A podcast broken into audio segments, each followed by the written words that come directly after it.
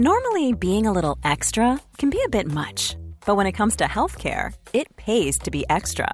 And United Healthcare makes it easy with Health Protector Guard fixed indemnity insurance plans. Underwritten by Golden Rule Insurance Company, they supplement your primary plan, helping you manage out of pocket costs without the usual requirements and restrictions like deductibles and enrollment periods. So when it comes to covering your medical bills, you can feel good about being a little extra. Visit uh1.com to find the Health Protector Guard plan for you. Every fan knows the right player in the right position can be a game changer. Put LifeLock between your identity and identity thieves to monitor and alert you to threats you could miss. Plus, with a US-based restoration specialist on your team, you won't have to face drained accounts, fraudulent loans, or other losses from identity theft alone. All backed by the LifeLock Million Dollar Protection Package. Change the game on identity theft. Save up to 25% your first year at LifeLock.com slash aware. Du lyssnar på Ridsportpodden, en ny podcast från tidningen Ridsport. I den här podden träffar vi ryttarna som du vill lära känna på djupet. Värd för programmet är hästsportsjournalisten Andrea Berlin. Bara 21 år gammal har hon åtta individuella SM-guld, fem SM-silver, ett NM-guld och två EM-brons. Ja, listan kan göras lång. Marina Mattsson är med andra ord en av Sveriges mest meriterade unga ryttare i dressyr. Jag träffar henne en ledig februaridag för att prata om den intensiva uppväxten då hon tränades av sin mamma. Hur tar man egentligen positiv och negativ kritik inom familjen? Därefter berättar hon om eh, verksamheten idag och hur träningsfilosofin ser ut när hon coachas av dressyräset Jan Brink. Hej Marina, välkommen till podden. Tusen tack. Jag tror nästan att du är vår yngsta gäst hittills, eh, men ändå väldigt meriterad. Ehm, kan du inte börja berätta hur ridningen blev en så naturlig del av ditt liv? Ja, jag eh, föddes i stort sett på hästryggen kan man nästan säga. Eh, mamma och pappa hade ridskola i Uppsala eh, där jag växte upp. Och innan jag fick börja på ridskolan var jag ute i stallet ja, varje dag och så mycket jag bara kunde. Så jag kunde ju inte bärga mig tills jag fick börja rida kan man säga. Ja. Och din mamma har ju inspirerat dig väldigt mycket. Hur har ert samarbete sett ut? Eh, våra samarbete har varit väldigt tätt. Hon har ju ledsagat mig från jag började rida och ända upp tills jag red storhäst. Eh, hon har ju varit en väldigt stor del av mitt liv och det har varit väldigt viktigt för mig eh, att hon har varit där och, ehm, och stödjat mig. Hon har tränat mig både på tävling och på hemmaplan och kört mig och ja, hjälpt mig otroligt mycket med hästarna. Mm. Hon var själv ryttare när hon fick dig och under din uppväxt. Ja. Hur har det påverkat dig? Eh, det har varit till väldigt stor hjälp tror jag. Eh, hon fick aldrig egen häst som ung ehm, och eh, så hon har ju gett mig alla chanser som hon inte fick kan man säga. Ehm, utan att det har varit påtvingat på något sätt. Jag, ehm, jag var ju själv väldigt, väldigt driven och kunde knappt vänta tills jag fick min egen häst när jag var mindre. så det har varit till väldigt, väldigt stor hjälp. Ja. Hur mycket hann du rida som yngre egentligen när du gick i skolan och det är mycket annat som ska göra? Ja, det, det var ju mycket med skolan och eh, man var ju i skolan från, från morgon till eftermiddag. Mm. Eh, och sen så bytte man om, gjorde lite läxor och sen ut i stallet direkt och så var man ju där ute till, tills det blev sen kväll. Eh, och ehm, man kan ju säga att jag var ju mycket hellre ute i stallet en timme eh, längre än att gå in och göra läxor igen eller gå till skolan. Så, men det var ju tvunget att göras. Men jag var ute i stallet så mycket, så mycket jag bara kunde. Och eh, eh, vad ska man säga, från, från mellanstadiet och uppåt tills eh, både högstadie och gymnasie så hade jag ju runt fem, sex hästar varje dag. Så det var ju väldigt mycket. Det måste vara tufft. Mm. Men du hann båda dera, du fick ihop det? Ja, på något sätt så fick jag ihop det. Nu när man tänker tillbaka så, så det, det låter väldigt tufft och det var det också. Men eftersom jag älskar hästarna så mycket så, så kändes det inte jobbigt. Nej. Innan du var 19 år så hade du tagit sex stycken individuella SM-guld. Eh, hur kan man egentligen utvecklas så snabbt? Ja, det, det, vet jag inte riktigt. Det har jag inte tänkt på så mycket. Men jag tror att det bygger nog väldigt mycket på att jag har haft eh, främst mamma då som ledsagare i unga år och sen att eh, min tränare Jan Brink har tagit över nu på senare tid. Eh, utan de två så hade jag ju inte varit där jag är idag. Eh, för att i alla fall när man är så ung så har man ju inte riktigt koll på liksom, vad är bra hästar och eh, vilka tävlingar ska man åka på, liksom, hur, hur vägen uppåt går. Och mm. Ehm, det är nog väldigt viktigt att ha någon, någon person som stöttar en väldigt mycket där. Mm. Så du har fått perfekt vägledning hela vägen kan man säga då från, från du var liten ända fram till nu? Ja, verkligen. Ja. Mm. Gick det spikrak uppåt där hela tiden under din, din uppväxt eller kände du någon gång att ja, men, eh, jag kanske vill göra någonting annat eller plugga mer eller? Jag har nog aldrig känt att jag vill sluta, sluta med hästarna på något sätt utan det har alltid varit en naturlig del av mitt liv men självklart så går det både upp och ner och ibland så känns det som att det går mera ner än upp men eh, eh det jag tror att det är nyttigt ändå liksom att känna på svackor. Mm. Eh, jag känner ju personligen liksom att det har gått väldigt bra för mig men självklart har jag haft väldigt tuffa perioder i mitt liv både eh, som yngre och sen som lite äldre. Att man, eh, det går inte som man tänkt, hästar kanske blir skadade och det kan vara andra faktorer som spelar in väldigt mycket. Så det, det kan vara tufft men man stärker sig av det också. Mm. Under vilken period i livet där var det som tuffast egentligen? Ehm, jag skulle nog säga faktiskt att det var när vi bodde en period i Skåne. Ehm, när jag var mellan 14 och eh, vi bodde där i fyra år. Och då tävlade jag fortfarande ponny och eh, det var egentligen inte hästarna som det, var, som det gick liksom tufft med utan det var, det var lite utanför, det var lite inom familjen och lite svårt ekonomiskt och, och som liksom gjorde att, att livet runt omkring kanske inte var så lätt som, som man ville. Men mm. eh, det var en väldigt tuff period men jag hade ändå inte velat haft det ogjort. För att jag känner att jag har lärt mig väldigt mycket och blivit liksom stark utav det. Mm. Var det någon, någon gång som du, du tänkte på att eh, det kanske är bättre med en annan gren? Eller det var mm, dressyr hela tiden, hoppning har inte intresserat dig någonting? När jag var liten och fick min första ponny då var jag helt stensäker på att jag ville bli hoppryttare men eh, ponnyn ville inte som jag ville så då fick okay. jag tänka om. så då fick jag gå in på dressyrspåret istället. Och sen har jag, ehm, sen började det gå så bra, dels både med första ponnyn och sen eh, så fortsätter det så då, då blev jag inbiten dressyrryttare. Ja. Så det var bara på ponny som du har hoppat? Ja, jag, jag hoppar fortfarande med de ja. hästar som, som jag kan hoppa med men det är ju inga höga höjder. Nej. Utan det är ju mest för gymnastikens skull. Men eh, jag älskar att hoppa men det är ju dressyren som, som det är mest. Mm. Mm. Eh, din pappa har ju också varit engagerad i hästarna såklart. Eh, är han också hästintresserad eller? Eh, han är inte hästintresserad från början utan eh, det startade, han har vuxit in i, i eh, hästarna kan man säga när, när han och mamma köpte gården i Uppsala som jag växte upp på. Och eh, först startade de med turridning och sen övergick det till ridskoleverksamhet och inackorderingar så att det blev väldigt stort. Ehm, och han är väldigt involverad i, i min tävlingskarriär även fast han inte kan vara med för att han jobbar med väldigt mycket så, så jag tycker han att det är otroligt kul och han följer mig ändå. Det här att ha, att ha mamma som, som tränare under sin uppväxt, hur är det egentligen? Um, positivt och negativt?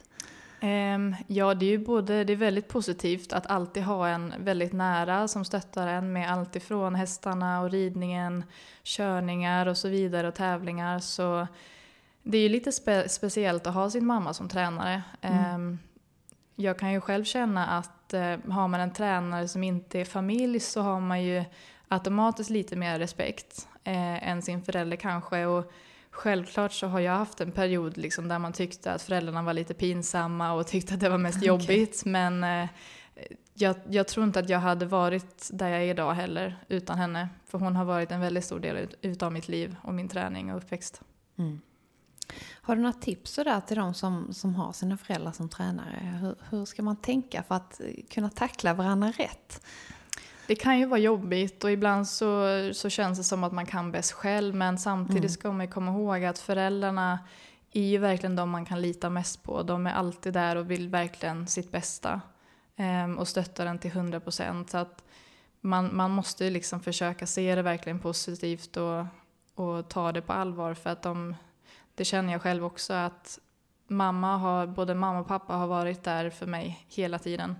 Så det är jätteviktigt att, att ta vara på det. Mm. Hur har du tagit kritiken sådär? Har man kunnat ta åt sig den på rätt sätt? Ja, det tycker jag. Jag, mm. jag själv känner att jag har ju jag har svårare för att ta eh, negativ kritik än positiv. Mm. Eh, men samtidigt så blir jag lite tjurskallig då. Skulle jag få negativ kritik så blir jag direkt sådär tävlingsinriktad och så känner jag att okej, okay, nu ska jag få, få ordning på det här så fort som möjligt. Så då, då blir det lite en tävling mot sig själv och det är ju faktiskt bra. Mm. Eh, för då vill man ju verkligen förändra och utveckla.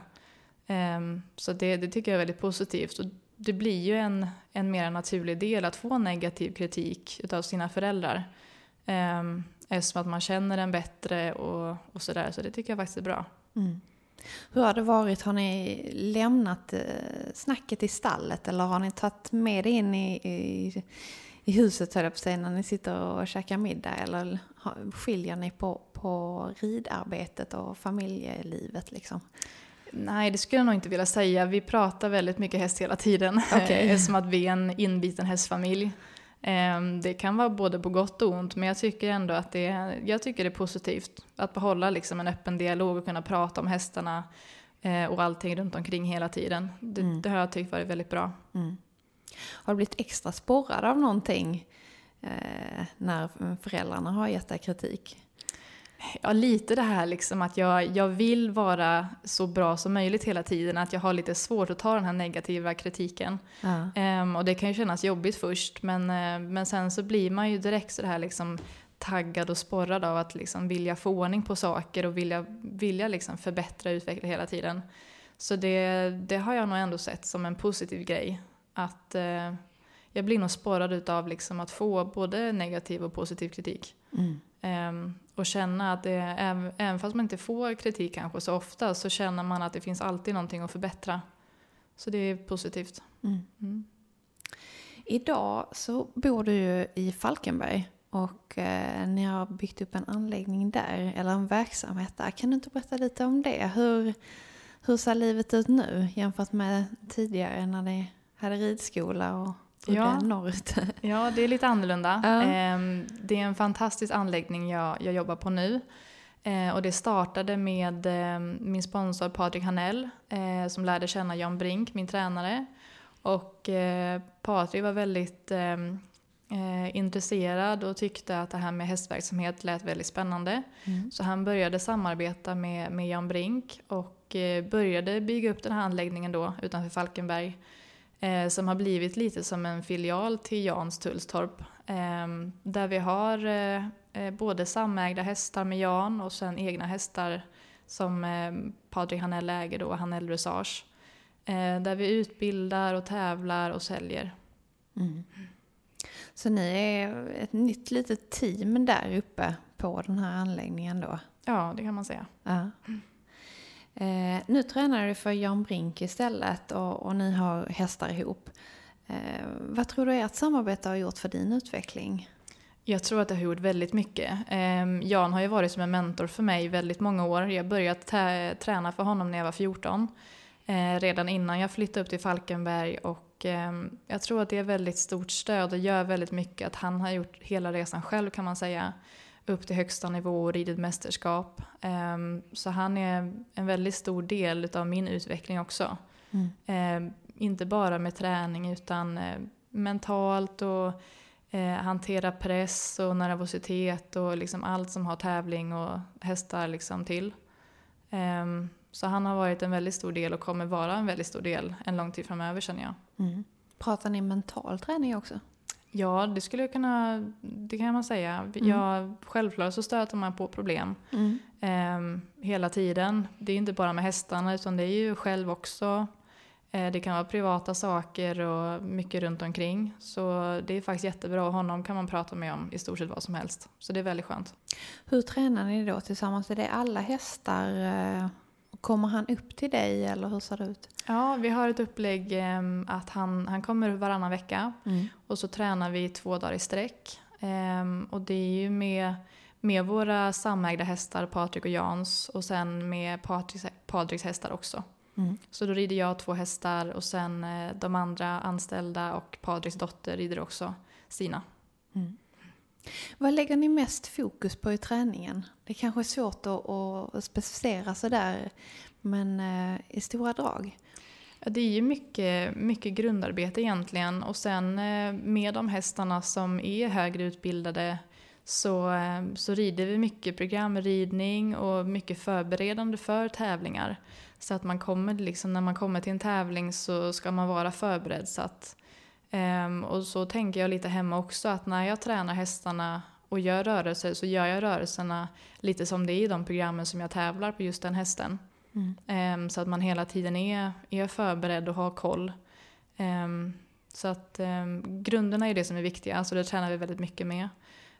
Men sen just också mycket linjer och programdelar. Så det är en väldigt stor del av vår träning. Okej. Ja. Hur skulle du vilja beskriva er gemensamma träningsfilosofi? Ja, det, det är ganska enkelt egentligen. Ehm, vi försöker hitta hästar som har lätt för sig och, ehm, och målet är ju att hitta hästar som, kom, som ska komma så långt som möjligt, helst upp till Grand Prix. Ehm, och vi jobbar ju med, med alla hästar på ganska lika sätt. Mycket med grundarbetet, få dem starka och självbäriga och lära dem eh, saker ehm, vid liksom deras alltså års, årstidspunkt kan man säga i utvecklingen. För att gå eh, kanske unghästklasser men främst också att komma upp i klasserna sen. Mm. Om du skulle beskriva en, normal vecka eller en normal träningsdag, hur ser den ut? Ehm, ja, är, jag hemma en vecka så ser det ganska lika ut. Eh, jag börjar jobba klockan sju och då hjälps alla åt att mocka i stallet en timme. Och sen så sätter jag, jag igång och rider. Och eh, jag har mellan 6 till 8 hästar per dag kan man säga. Så då, då rider man i stort sett hela dagen.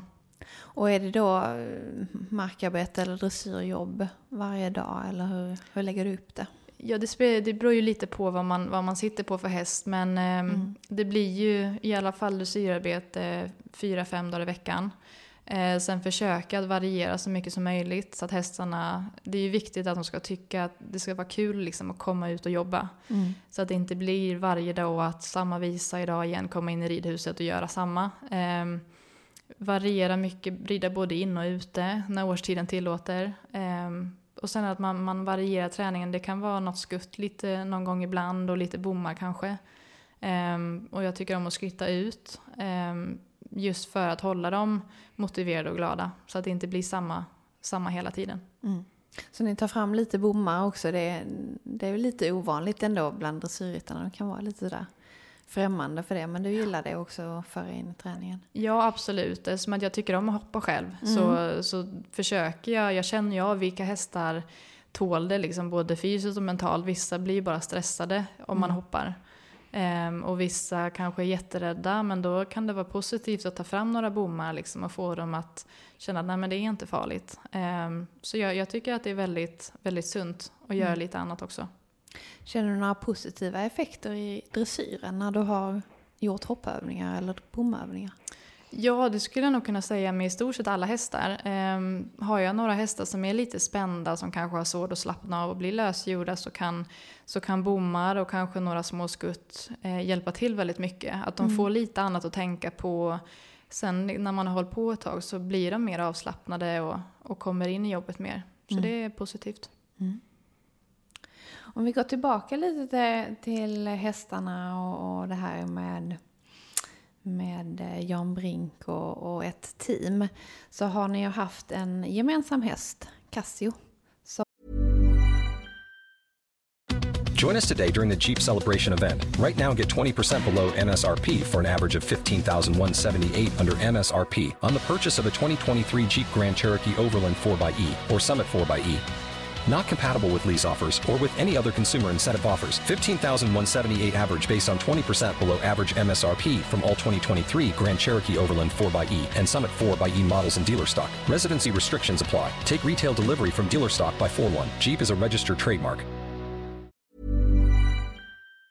De eh, gett dig väldigt många fina framgångar och fina resultat.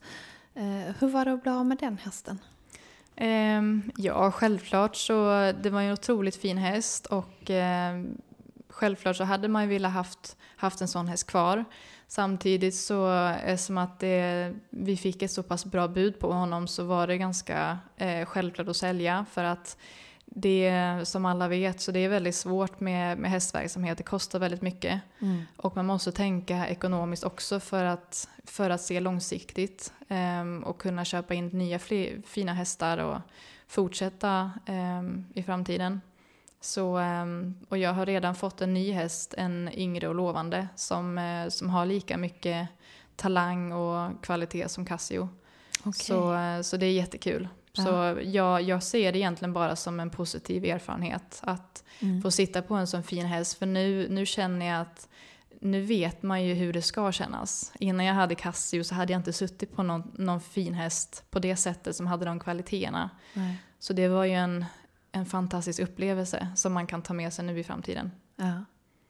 Vad var det som, som gjorde honom så speciell om du ska beskriva hans egenheter och sådär?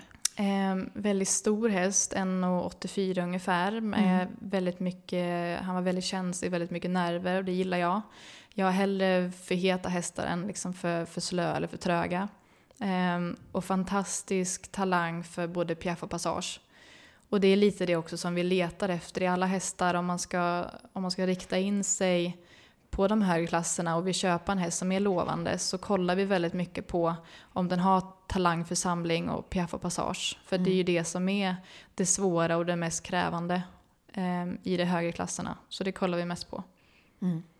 Så det är, är det det viktigaste när du tittar på en häst och sätter dig upp första gången? Eller? Ja, det skulle jag kunna säga. Vi, vi kollar liksom och känner av det här med, med samlingen och det är Jan Brink väldigt duktig på också att se och känna. Ehm, och sen att hästen passar just mig. För är det en häst som man, man köper in i syfte att ha lite längre och kanske då att jag ska rida på den så måste det kännas bra för mig också. Och jag föredrar ju hellre lite för känsliga och heta hästar än tvärtom. Tänker du på samma sätt när du tittar på en yngre häst? Nu kan jag tänka mig att detta gäller lite äldre hästar. Jo men det gör vi generellt. Vi kollar ju, det kan vara lite svårt att känna kanske på en 3-4-åring, eh, lite det här med samling. Men eh, jag tror man skulle kunna säga att man känner, det ganska, man känner det ganska väl ändå om man sitter upp. Om den är känslig och vill framåt och är arbetsvillig. Det är ju väldigt viktiga faktorer för att det ska bli bra i framtiden. Har du någon kontakt med hästen Ja, nu idag och följer honom och sådär? Jo men det gör jag. Jag känner hans eh, nya ryttare väl eh, och hon är otroligt glad för honom. Så det är jätte, jättekul att följa de två. Framförallt var ju köpesumman långt över den normala. Eh, Detta gjorde ju att du blev den kvinna under 30 som tjänade mest i Sverige. Eh, Hur kändes detta? Ja, det var ju en ganska ny erfarenhet för mig kan man väl säga.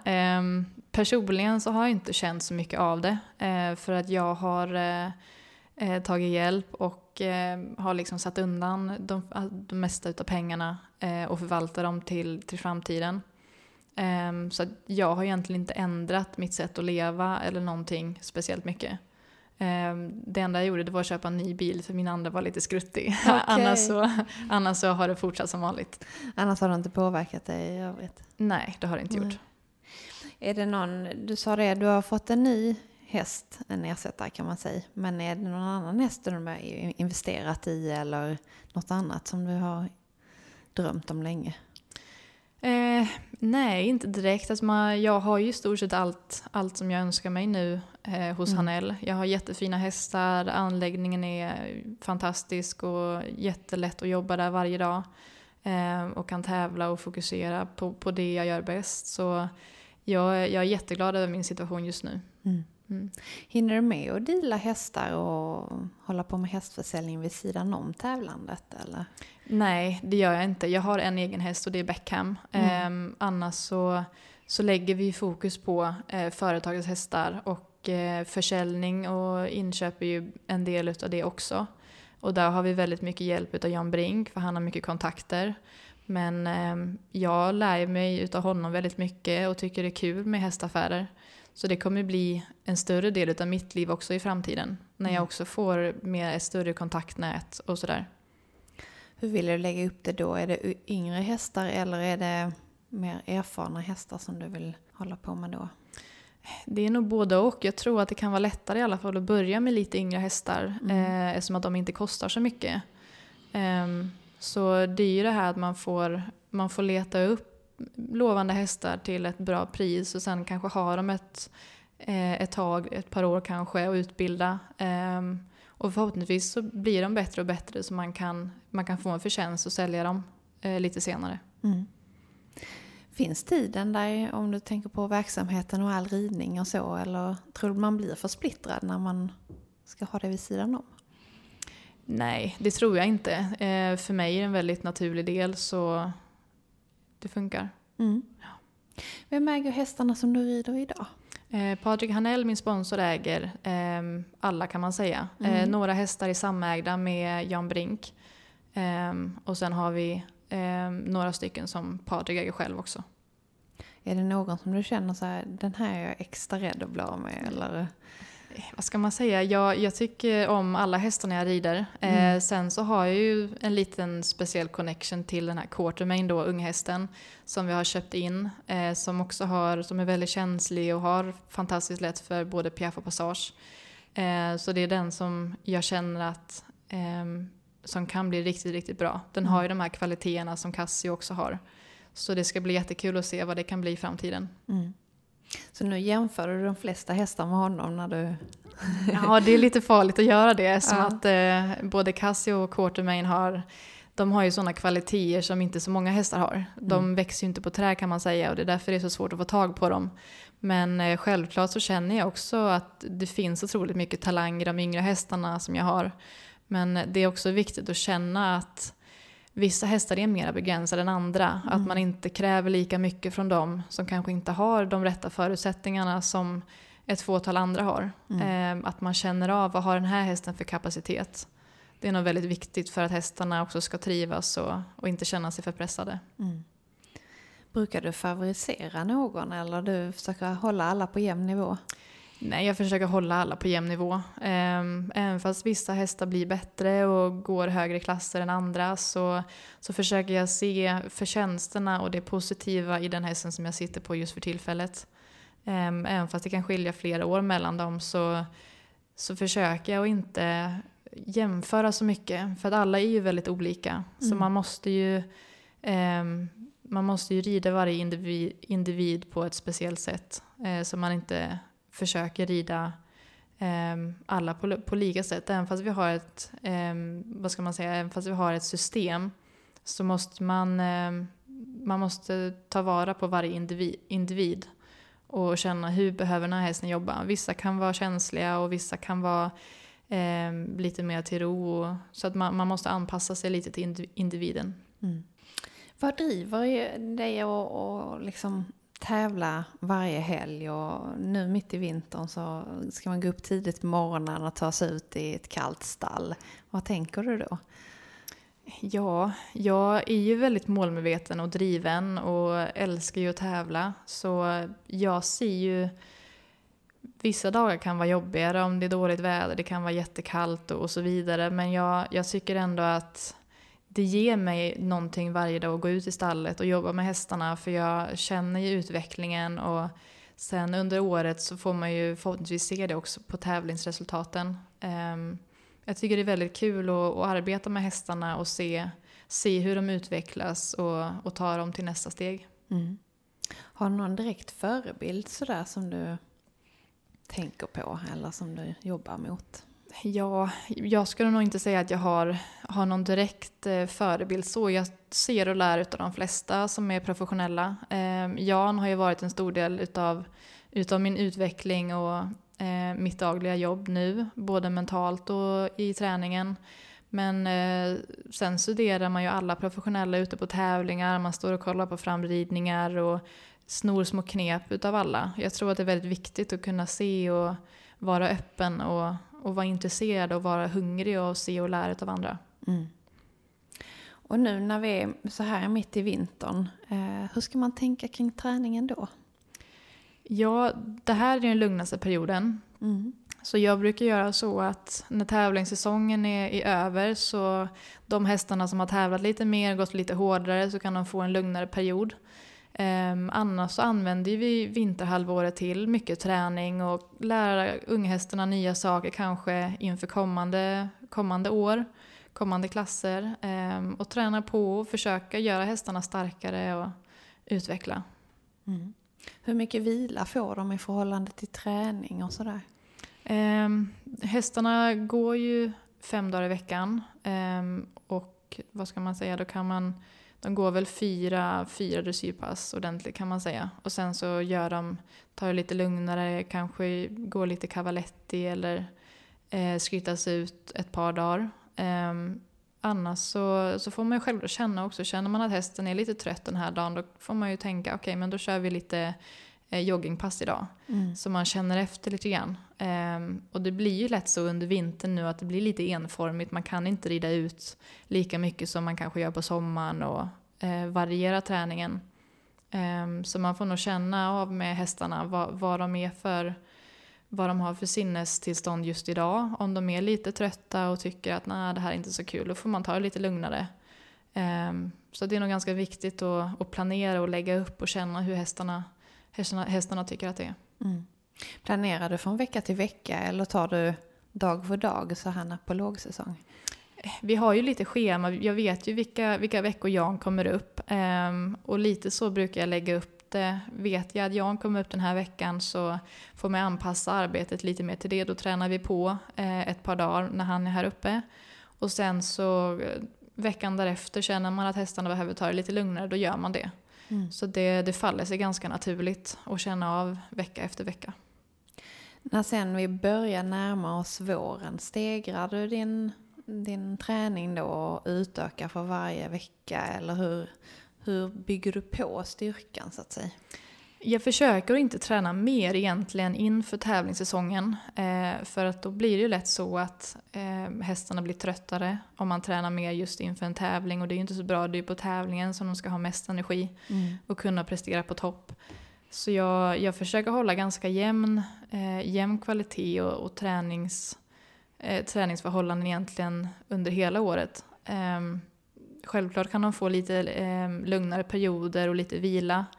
Eh, men eh, inför, inför tävling så, så tycker jag inte att man ska öka på träningen, rida mer eller längre pass, utan då kanske man ska fokusera sig på att rida lite mera programdelar och rida igenom program så man känner sig lite mer mentalt förberedd. Mm. Eh, så att inte man pressar hästarna för hårt. Brukar du känna att de har för dålig kondition efter vintern eller? Nej, det brukar jag inte känna. Eh, eftersom att jag rider ganska eh, likvärdigt som faktiskt under sommarperioden så, eh, så tycker jag inte att det ändrar sig så mycket. Eh, även fast det är mera tävlingar på sommaren så, så är jag väldigt noga med att hästarna ska få ta det lite lugnare mellan tävlingarna även då. Så mm. att det inte blir för hårt. Eh, och det har ju inte bara med eh, med, med allt tävlande och åkande att göra utan det är också värmen. Så att de inte eh, tycker att det är för jobbigt eh, med det och sen med allt runt omkring. Så jag försöker hålla ganska lika nivå året om. Om du har en häst som efter så här på vintern har dålig kondition, hur skulle du bygga upp den? Ja, man får ju ta det ganska långsamt. Man får känna av liksom hur, hur hästen känns i kroppen. Det kan ju vara att när man börjar träna, eh, träna lite mer så kan den få träningsverk. Um, så för att bygga upp så måste man ju träna liksom både styrka och kondition. Och sen får man känna av eh, emellan det hur hästen känns. Eh, det är ju viktigt både med träning och med vila också. Så man får varva det lite, lite om varandra. Mm. Jag tänkte fråga dig vad du har för tips och råd för unga dressyrryttare som drömmer så här om dressyrtoppen. Eh, vad har egentligen varit viktigast i din karriär? För mig skulle jag eh, säga att det är väldigt viktigt att ha det här stödet från unga år och hela vägen upp. Eh, ha en ledsagare, någon som man kan, man kan luta sig mot och, och ha stöd av när det känns jobbigt. Och i stort sett med allting, välja hästar, eh, veta hur, hur fort man ska gå fram, vilka klasser man ska rida. Eh, för det kan vara svårt att veta, veta vad som är bra och vilken, vilken väg man ska gå när man är yngre. Mm. Så det tycker jag är väldigt viktigt att ha någon som du kan prata med och ha lite stöd av, som är duktig själv. Ska det vara en tränare eller ska det vara en annan person? Ja. Ja, det spelar egentligen ingen roll. Självklart måste man ha en bra tränare Mm. eh, eh, hela vägen upp. Eh, och det kan vara tränare, men det kan vara ens föräldrar eller i stort sett vem som helst. Men att man känner att man, eh, man har bra stöd av någon, eh, så att man inte står där själv, för det är svårt nog ändå. Mm. Och sen har du en lilla syster också. Har ni eh, stöttat varandra under vägen?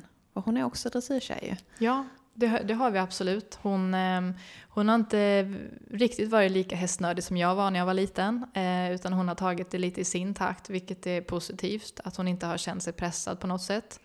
Eh, och hon, eh, vi hjälper varandra fortfarande. Och med hästar och med allting runt omkring. Så det är jätteroligt. Hur eh, ofta tänker du egentligen på dina mål och dina drömmar? Ehm, tror du det är viktigt att ha målen i, i åtanke när man rider varje dag eller ska man släppa det? Blir man för stressad? Jag tycker att det är viktigt att ha mål. Det ska man absolut sätta upp. Ehm, och även fast det kanske känns långt ifrån så, så är det nog viktigt att sätta upp framtida mål, lite större mål. Sen får man ju ha mindre mål och delmål på vägen, det är viktigt också. Ehm, jag själv är ju så driven och målmedveten så att jag behöver inte tänka på det så mycket utan det finns där av sig själv. Jag behöver nog bara fokusera på liksom och, och jobba vidare så kommer jag komma dit till slut ändå. Vilka är dina mål? Får man fråga det? Eh, det största målet är ju att få rida OS. Eh, och skulle jag komma dit så, eh, så vill man ju självklart att det ska gå bättre, komma till final och sen så drömmen är ju att ta medalj. Ehm, men sen ehm, målet nu med, eh, med den här yngre hästen nu som har kvalitet nog för att ta sig till ett stort mästerskap. Ehm, det är ju att utveckla honom och sen så tar det i hans takt och så får man se hur långt det räcker. Men jag känner ju absolut att han, han har absolut förutsättningarna och händer ingenting på vägen så kommer han ju säkert komma dit. Mm.